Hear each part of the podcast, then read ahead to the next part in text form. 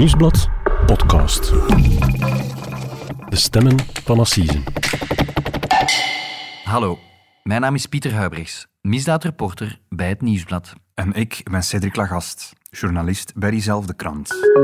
En dit is onze podcast Stemmen van Assise, waarbij we voor elk belangrijk proces in een zaak duiken en u meenemen achter de schermen van de rechtszaal. En vandaag hebben we het over de grootste diamantroof die ooit gepleegd werd. Bij ons, in de Diamantwijk in Antwerpen. De buit werd nooit teruggevonden. Ik ging praten met het meesterbrein van die inbraak in Italië.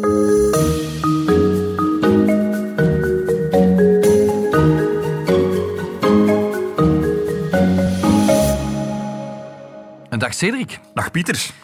Cedric, de grootste diamantroof die ooit gepleegd is, dat klinkt al meteen heel uh, veelbelovend. Ja. Ik herinner me dat verhaal dat toen dagenlang het nieuws domineerde. Hè. Het was een mysterieuze roof uit de kluizenzaal van een gebouw in de Diamantwijk, het World Diamond Center hier in Antwerpen. Ja, en dat is niet, niet zomaar uh, een kluizenzaal. Hè. Het was de best beveiligde kluizenzaal ter wereld op dat moment. En je mag je dat echt voorstellen zoals in de films, zo een, een, een 60 centimeter dikke stalen deur, drie ton zwaar met daarachter zo een kamertje met allemaal van die kleine kluisjes overal in de muur. Hè. Mhm. Um, en, en die kluizenzaal dat was met de meest moderne technische snufjes uh, beveiligd. Maar in februari 2003 is die toch op een nacht helemaal leeggeroofd. En iedereen stelde zich de vraag, hoe hebben ze dat in hemelsnaam gedaan? Het verhaal dat wij vandaag brengen, dat gaat vooral over deze man. Écoutez, je, je me cache pas derrière euh, mon histoire. Qu'est-ce que ça veut dire Ça veut dire que moi je suis Leonardo Notarbartolo, tout le monde le savent. Si quelqu'un vient et me dit Ah, toi tu es le, le voleur de l'affaire d'Anvers Oui. Pourquoi? Qu'est-ce qui se passe maintenant? We horen hier de Italiaan Leonardo Notarbartolo, ex-diamantair, ondernemer, maar ook in 2005 veroordeeld als het meesterbrein van deze diamantroof. Mm -hmm. En waarom ben je hem precies gaan zoeken? Wel, om, omdat er een internationaal productiehuis deze maand in Antwerpen begonnen is uh, met de verfilming van dat verhaal. Het is te zeggen, uh, ze maken eigenlijk een, een tv-serie over, over de diamantroof. Een beetje in, in de stijl van La Casa de Papel. Ik weet niet of je die reeks mm. ooit gezien hebt. Fantastische serie. Spaanse reeks over een bankroof, maar wel ook over een heel ingenieuze ingenieuze roof eigenlijk. Hè. Ze willen in Italië zo'n tv-reeks maken. Specifiek rond hem? Nee. Ja, het is eigenlijk... Het wordt een beetje... Een, hij heeft eraan meegewerkt natuurlijk. Hij, en ze, zijn, ze hebben hem daarover gesproken. En hij zegt dat het een, een biografie wordt van zijn leven. Um, het gaat natuurlijk vooral over de diamantroof gaan, maar, maar toch ook over het personage Leonardo Notarbartolo. En doordat die diamantroof weer onder de aandacht is gebracht, komt natuurlijk ook de eeuwige vraag weer naar boven. Waar is die buit naartoe? Waar zijn de diamanten? Want uh, er is voor 100 miljoen euro aan diamanten gestolen die dag en die zijn nooit terug opgedoken. Mm -hmm. Jij bent hem gaan zoeken in Italië. Uh, dat, dat impliceert dat die man intussen vrijgelaten is uit de gevangenis. Ja, in 2009 al is hij vrijgekomen. En uh, in mijn zoektocht ben ik vorige maand in Turijn beland. Hij is van die streek afkomstig. En ik heb hem uiteindelijk uh, teruggevonden in Giaveno. Dat is een, een klein dorpje op zo'n 30 kilometer van Turijn ongeveer. Ik heb hem toen opgebeld en gevraagd of ik hem mocht komen bezoeken. Mm -hmm. en, en wat zei hij dan? Hij zei, pourquoi pas? Waarom niet?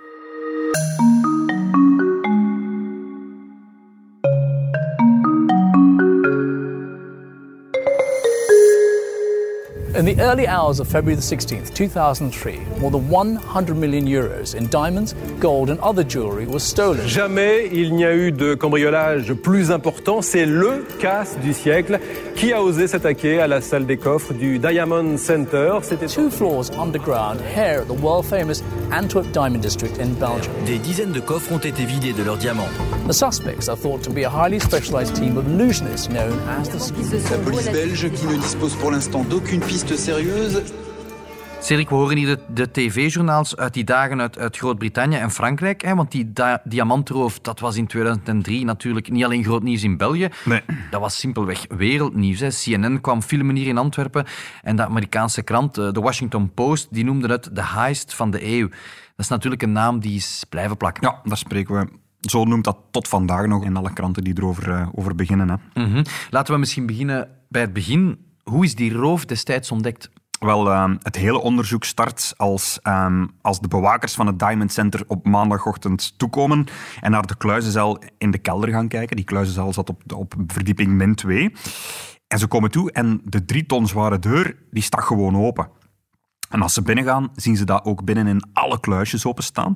En op de grond dat de grond is werkelijk bezaaid met, met dozen en koffers en, en papieren en tassen, maar ook met diamanten, met goud en juwelen. En Dat ligt daar allemaal op de grond. dat ligt daar gewoon allemaal op de grond.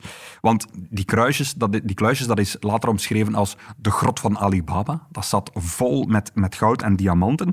En ze hadden kluisje per kluisje opengebroken. En ze hadden uiteindelijk zoveel gevonden dat ze meer buit hadden dan dat ze met hun vijf konden dragen. Dus Ja, dus ze hebben letterlijk diamanten en, en, en geld en dergelijke juwelen moeten achterlaten. moeten laten liggen omdat ze het niet konden dragen. Ze hadden van die grote duffelbags, ze hadden dat vol gepropt en ze hadden echt moeten kiezen wat is hier nu het meeste waard. Ehm, wat laten we liggen, wat nemen we mee? En ehm, er is ooit nog gezegd van, ze hebben een schatting gemaakt van wat daar nog op de grond lag. En de schatting was dat drie mensen daar een volledig leven van konden leven zonder nog ooit één dag te moeten werken. Ongelooflijk, oké. Maar neem ons misschien eens eerst mee naar dat Diamond Center. Wat, wat moet ik mij daarbij voorstellen? Dat is een, ehm, een beetje een banaal pand van buiten gezien in de Diamantwijk. De Diamantwijk in Antwerpen, dat zijn eigenlijk drie straten Aan het in- Centraal Station in In Antwerpen. het centrum heel goed beveiligd. En in, in de Schupstraat in het midden is het Diamond Centrum. Dat ziet er van buitenuit als een, een beetje eh, een, een gewoon Een kantoorgebouw. Ja, voilà, een betonnen gevel. Maar daarachter zit een enorm pand. En daarin hebben tientallen diamantenbedrijven een kantoor. Eh, diamanthandelaars, maar ook diamantslijperijen. En ehm, dus wat gebeurt er? 's morgens zijn er heel veel, de meestergasten van die bedrijven, die gaan naar de kelder, die pakken de diamanten die ze willen bewerken, die bewerken de hele dag. En s'avonds ehm stoppen die die terug in een kluis als, als die gedaan hebben met werken. En ook, er zijn ook heel veel handelaars die in die wijk handel drijven, die diamanten kopen en die, ehm, die die ook in die kluisjes stoppen. En eigenlijk tegen het weekend, de vrijdagavond, zitten die kluisjes vol met diamanten. Dat klinkt als de plek in Antwerpen die mogelijk het best beveiligd moet zijn. Wel, de best beveiligde kluis eh, ter wereld werd dat genoemd. Hè. Er waren ehm tien beveiligingsmechanismes. Dus de beveiliging werd zo dat dat in verschillende laagjes werkt. Dat is niet enkel met één slot of zo. Echt zoals in een misdaadfilm. Ja, voilà. Dus je had die zware stalen deur, die was afgesloten met, eh, met een cijfercode. Die eh, waren 100 miljoen mogelijke combinaties. Dus niet eh, zoals met een fietslotje, dat je drie, drie mogelijkheden hebt. Nee, er waren 100 miljoen mogelijke combinaties. Daarnaast was die deur ook afgesloten met een sleutel. Dat was een unieke sleutel. Je je kon daar niet, niet voor, geen loper voor gebruiken. Die deur ging enkel en alleen open met, eh, met die specifieke sleutel. Er waren ook... ehm, bewegingssensoren. Dus in die kluis hangen een soort camera's. En zodra dat die beweging detecteren, gaat er een alarm af. Er is ook een, een, een hittecamera die lichaamswarmte detecteert. Dus als daar een, een, een mens binnenstapt, voelen die onmiddellijk warmte en gaat er een alarm af. Eh, er is ook een trillingssensor. Dat is belangrijk, want meestal probeer je zo'n deur open te Open te boren, ja. of te breken. Dus vanaf dat die ook maar een klein beetje trilling voelen, gaat er ook een alarm af. Ehm, er hangen ook 36 bewakingscamera's. Dus dat was gigantisch goed beveiligd. En dat heeft allemaal niet geholpen. Ja, het klinkt als het plot van een, van een slechte misdaadfilm. Een plek waar je niet kunt inbreken, ondanks al die beveiliging, lukt het dan toch.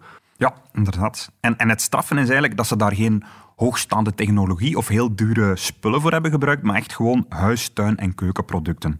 Vertel. Ehm, bijvoorbeeld de bewegingssensor, die heel belangrijk is, die, die hebben ze gewoon met haarspray bespoten en die werkte niet meer.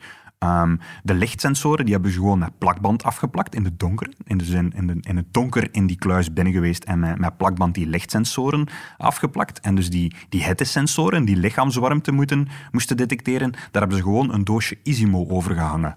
En Zo simpel was het. Zo simpel was het. En ja. de cruciale vraag, Cedric, van ja, hoe zijn ze dan door die grote poort geraakt? Eh, Wel, die was dus met een, met een code beveiligd. Die hebben ze achterhaald door gewoon eh, enkele dagen voordien een piepklein cameraatje in een tas daarachter te laten. En die camera heeft gewoon de bewaker gefilmd die die code intikte. En die code was elke dag De dezelfde. code was elke dag dezelfde. En het wordt nog stommer. Dus de unieke sleutel, Ja. die ging gewoon achter de deur.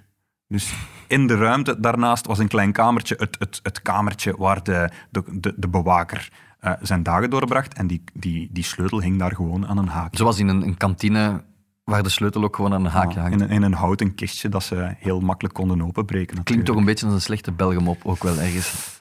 Ja, eigenlijk wel. Ja.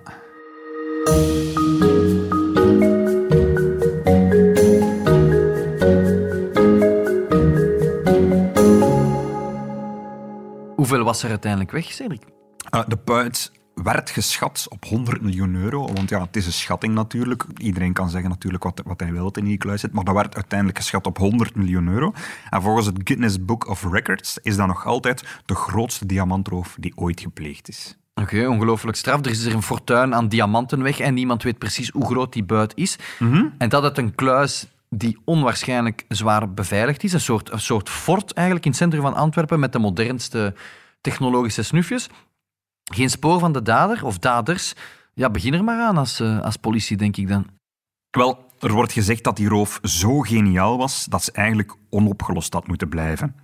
Maar ze is toch opgehelderd en dat komt eigenlijk allemaal door een half opgegeten broodje salami.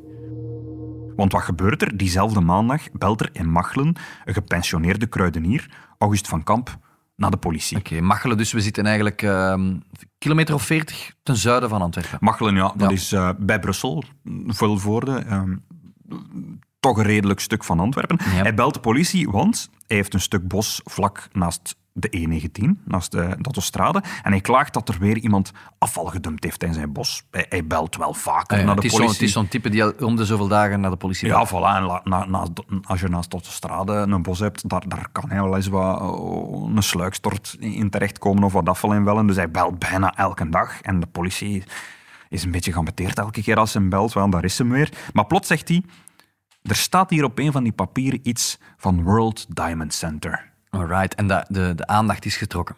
Ze rijden daar naartoe, de politie rijdt daar naartoe met zwaailichten aan, met sirenes aan. Ze rijden daar massaal naartoe, want natuurlijk, die ochtend is er in heel België een alert gekomen bij de politie. Er is een diamantroof gepleegd. Als je daar iets van hoort, eh, laat het ons direct En weten. het is diezelfde dag. Het is diezelfde dag.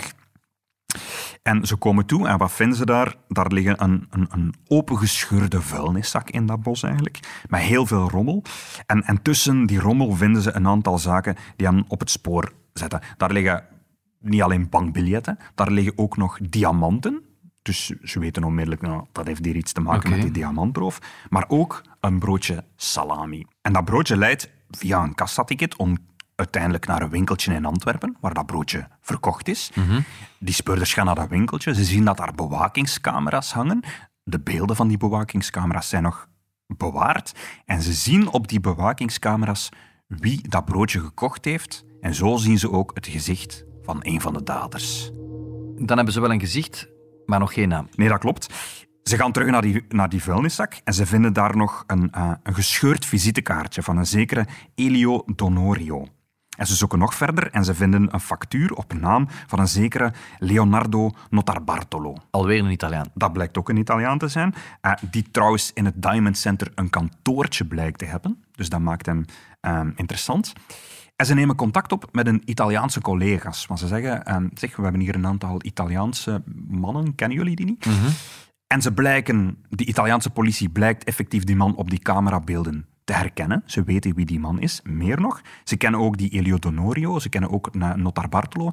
En ze zeggen, die drie mannen, die maken alle drie deel uit van de school van Turijn. En Wat is de school van Turijn? Dat is een bekende dievenbende in Turijn. En op dat moment klapt de val dicht natuurlijk, want ze snappen, die drie mannen, Dat zijn de hoofdverdachten. dat zijn onze hoofdverdachten vanaf Mhm. Maar die, die Notar Bartolo, ja, die is natuurlijk al lang België uit. Die zit misschien al opnieuw in Italië. Voilà, die drie Italianen die vinden ze niet meer. Die zijn vertrokken uit Antwerpen. Ze denken, ja, die zijn, die zijn weg naar Italië. Maar op vrijdag, zes dagen na de roof, dan gebeurt er iets vreemds. De portier van het Diamond Center ziet plots hoe Notar Bartolo het gebouw opnieuw komt binnengewandeld. Hij knikt vriendelijk naar de, naar de portier, hij stapt naar zijn kantoortje, hij komt terug en hij, hij stelt een paar vragen over die diamantroof. Hij doet alsof dat hij een beetje bezorgd is, is er iets van mij gestolen en zo. En die portier die weet natuurlijk ondertussen dat Notar Bartolo een van de, de- van de verdachten is en hij belt de politie op. Oké, dus hij duikt opnieuw op in Antwerpen. Dat lijkt toch wel een domme move.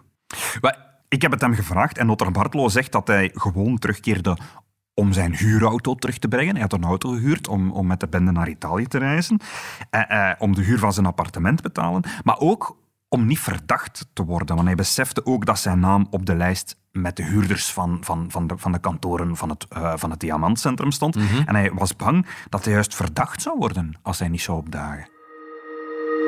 Cedric, uiteindelijk is er wel een, een, een, strafproces gekomen. En ik herinner mij dat, dat notar Bartolo voor de rechter heeft gestaan hier voor die diamantroof. 2005, denk ik, twee jaar na de feiten. Alleen ook. Um, heeft hij die diamantroof dan finaal alleen gepleegd? Wel, hij is zijn hele proces lang blijven volhouden dat hij er niks mee te maken had. Zelf al waren de bewijzen tegen hem uiteindelijk finaal wel heel zwaar. Tot op de laatste dag, zelf toen hij um, in 2009 voor de strafuitvoeringsrechtbank moest komen, die moest beslissen over zijn um, voorwaardelijke vrijlating. Vier jaar na zijn veroordeling. Voilà, is hij blijven zeggen van nee, nee, ik, had daar, ik heb er niks mee te maken. Maar, maar later, na zijn vrijlating, heeft hij een interview met een Amerikaans tijdschrift uitgelegd dat ze uiteindelijk met vijf waren. Hij heeft de namen in dat interview niet genoemd. Hij had het over het... Hij heeft ze allemaal een bijnaam gegeven. Hij had het over het genie, het monster, de sleutelkoning en Speedy. Oké, okay, fascinerend. Heeft, ik kan me voorstellen dat de politie die, die mannen ook gezocht heeft. Zijn die ooit ontmaskerd? Wel, naast Notar Bartolo heeft de politie uh, nog drie Italianen in verdenking gesteld. Dus vier op vijf van de bende zou geïdentificeerd moeten zijn. Alleen de sleutelkoning, die is nooit gevonden. Die drie andere daders die ze dan geïdentificeerd hebben, die hebben hier dan nooit terechtgestaan in Antwerpen?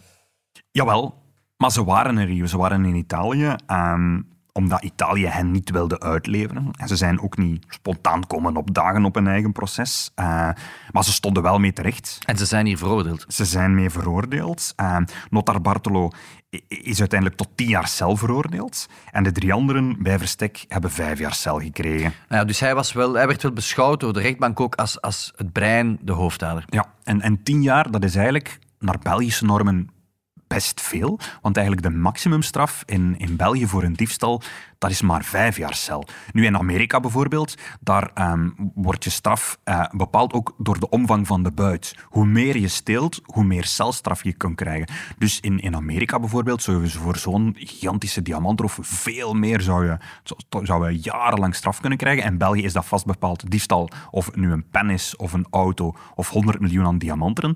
De maximumstraf is vijf jaar. Nu, het parket heeft dat zo een beetje kunnen spelen dat ze hem ook nog vervolgd hebben als leider van een criminele bende. En daarvoor is hij nog eens veroordeeld tot nog eens vijf jaar cel. En heeft hij uiteindelijk tien jaar cel gekregen.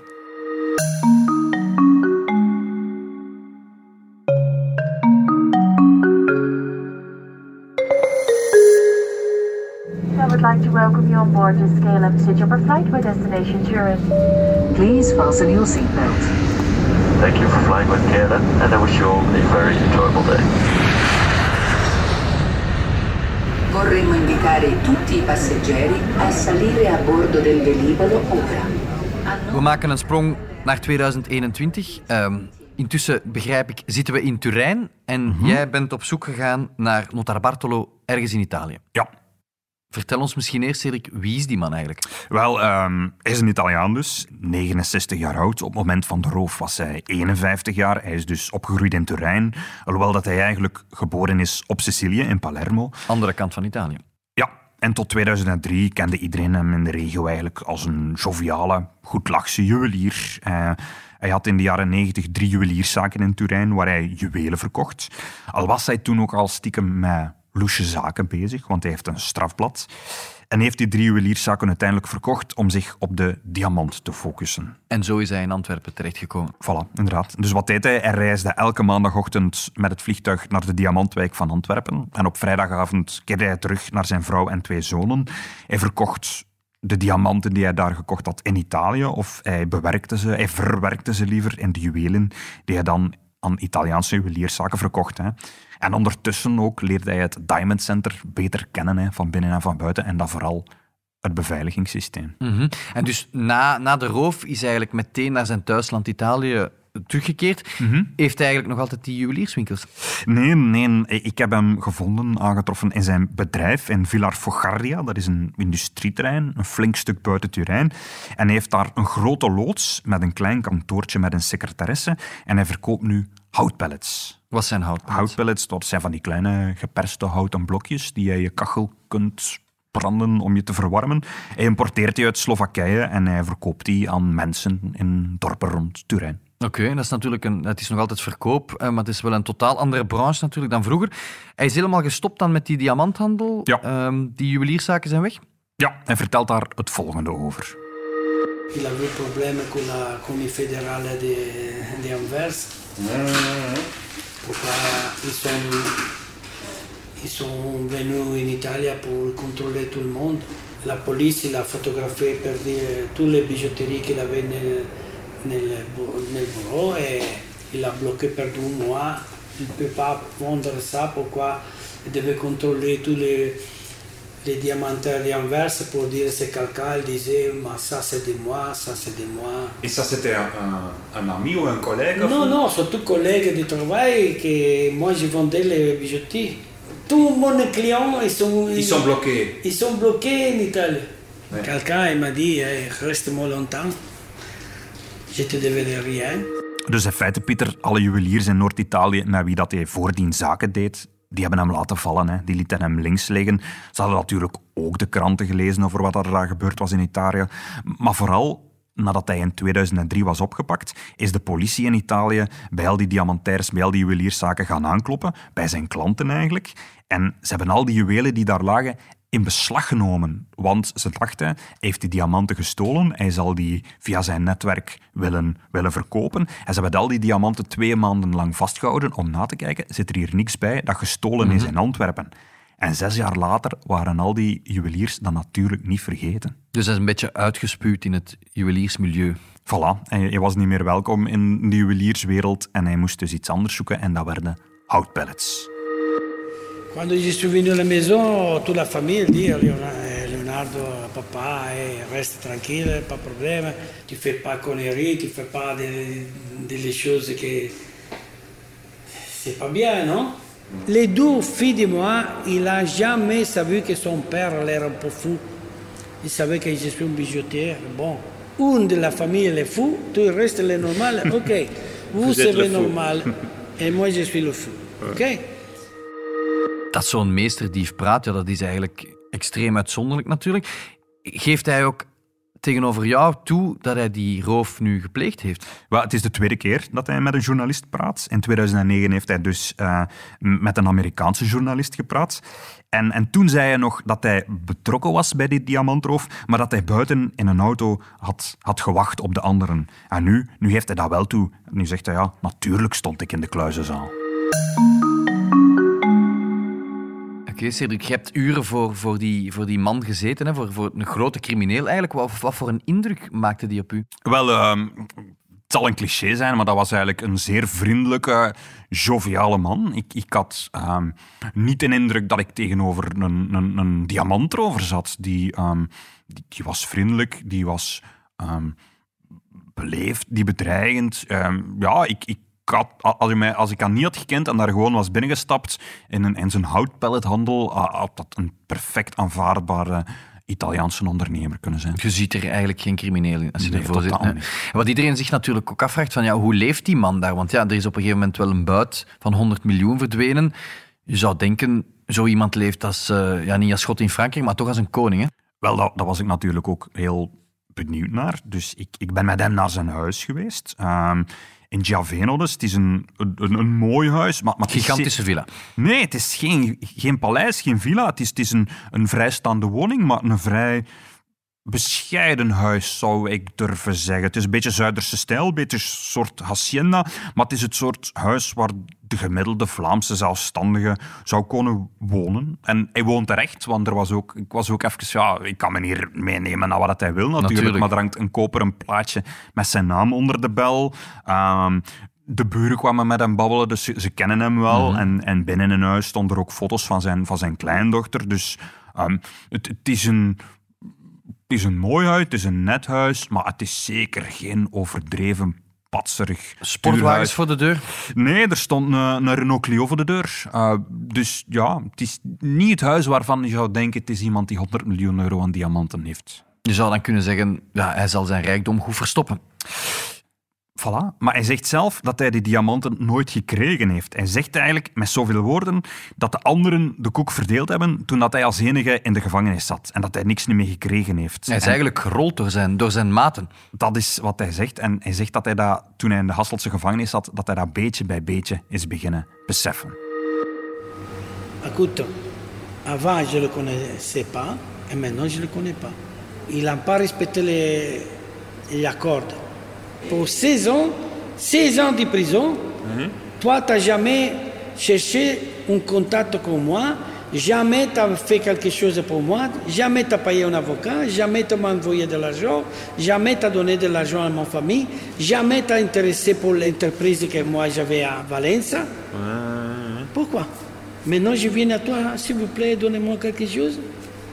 S'il vous plaît, dis-moi comment je devais faire pour manger. Vous êtes trop, trop, fier. Non, pas fier. Je suis juste. Pourquoi c'est toi, tu es correct Toch een beetje een rare uitleg ook dat hij geeft. Hij zegt, ik zat in de gevangenis, ze hebben de buit verdeeld en ze hebben mij nooit gecontacteerd. Ze hebben mij, mij nooit geen geld bezorgd. Ze hebben mijn familie nooit geen geld bezorgd. Ze hebben ook een advocaat gestuurd of zo. Ik heb nooit niks van hem gehoord. En eigenlijk, toen ik uit de gevangenis kwam, ehm, is er geen contact niet meer geweest.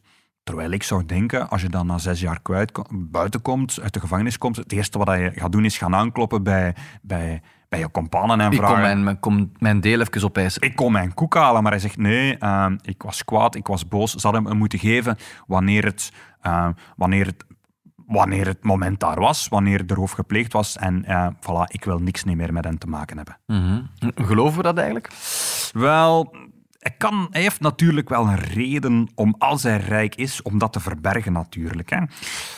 Of heeft zijn geld doorgespeeld aan zijn twee zonen, als een, als een, een voorbode op een erfenis. Want hij heeft altijd al gezegd dat hij de roof wilde plegen, zodat zijn kinderen, zijn twee zonen, niet meer zouden moeten werken.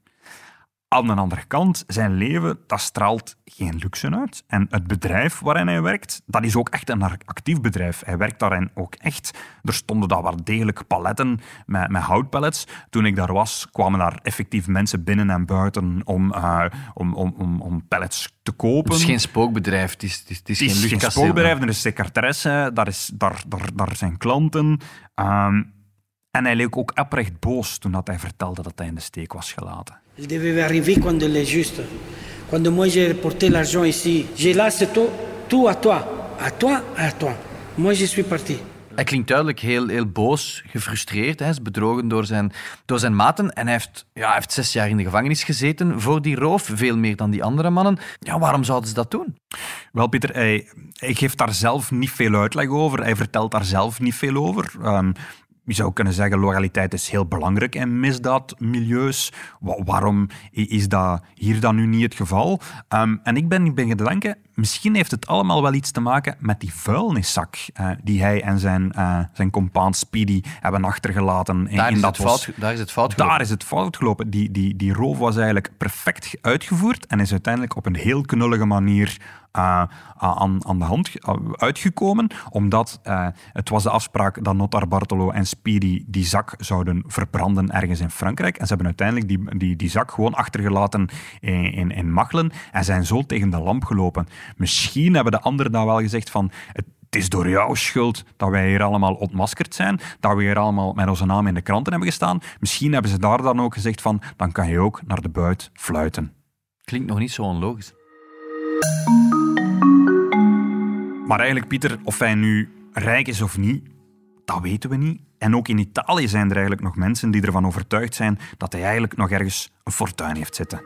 Tout le monde quoi Tout le monde maintenant, encore maintenant, ça passé 17 ans.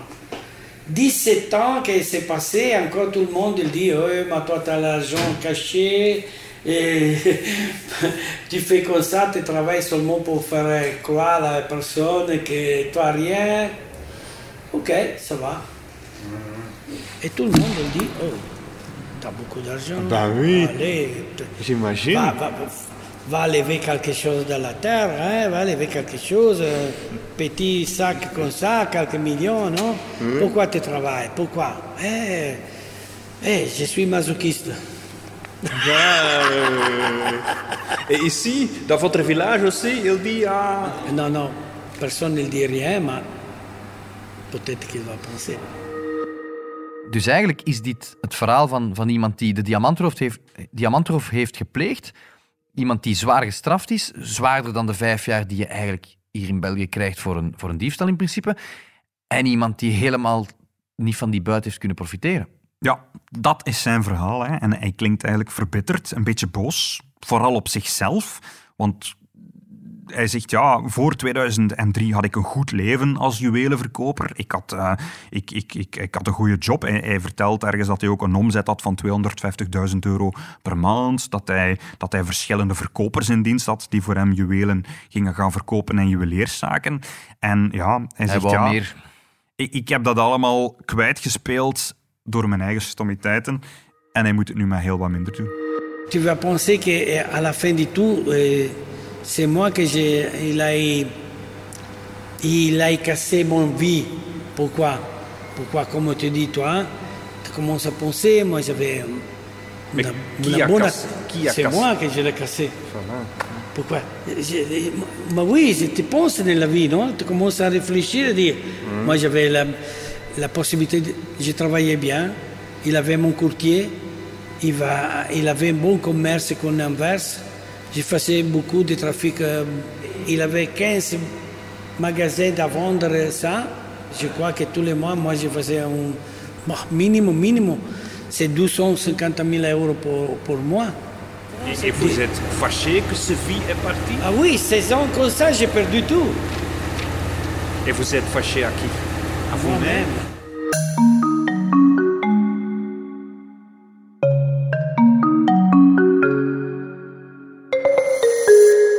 Is Notar Bartolo eigenlijk ooit teruggekeerd naar Antwerpen?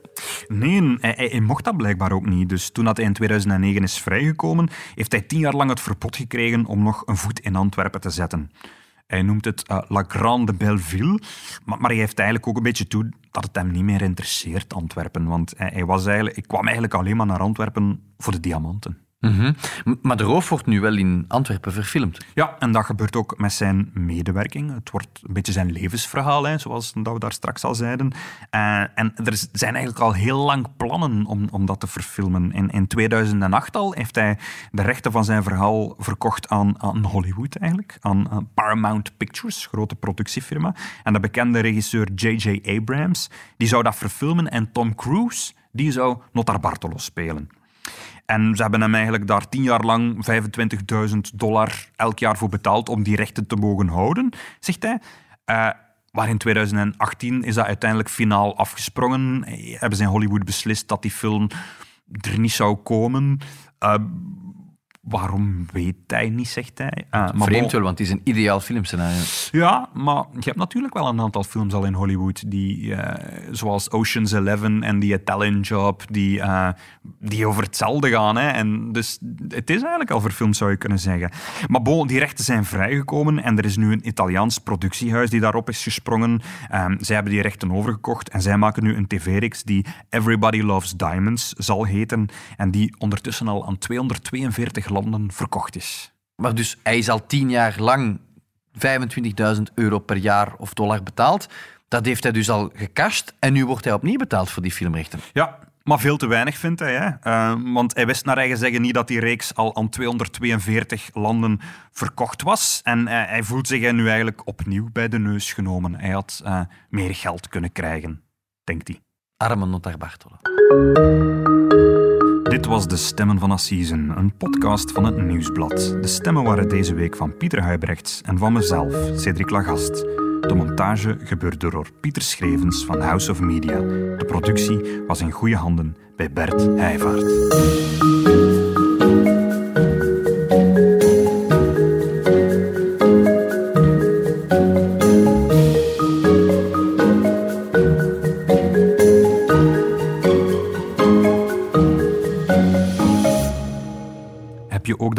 Podcasts van het Nieuwsblad al beluisterd? Op maandag is er Shotcast, onze voetbalpodcast. Op dinsdag hebben we de podcast Slimmer Leven, met tips over wat er echt toe doet in het leven. Op donderdag is er onze politiek podcast Het Punt van Van Impe, met onze hoofdredacteur Lisbeth Van Impe. En deze week is er elke dag een podcast over het WK wielrennen. Want de koers is van ons.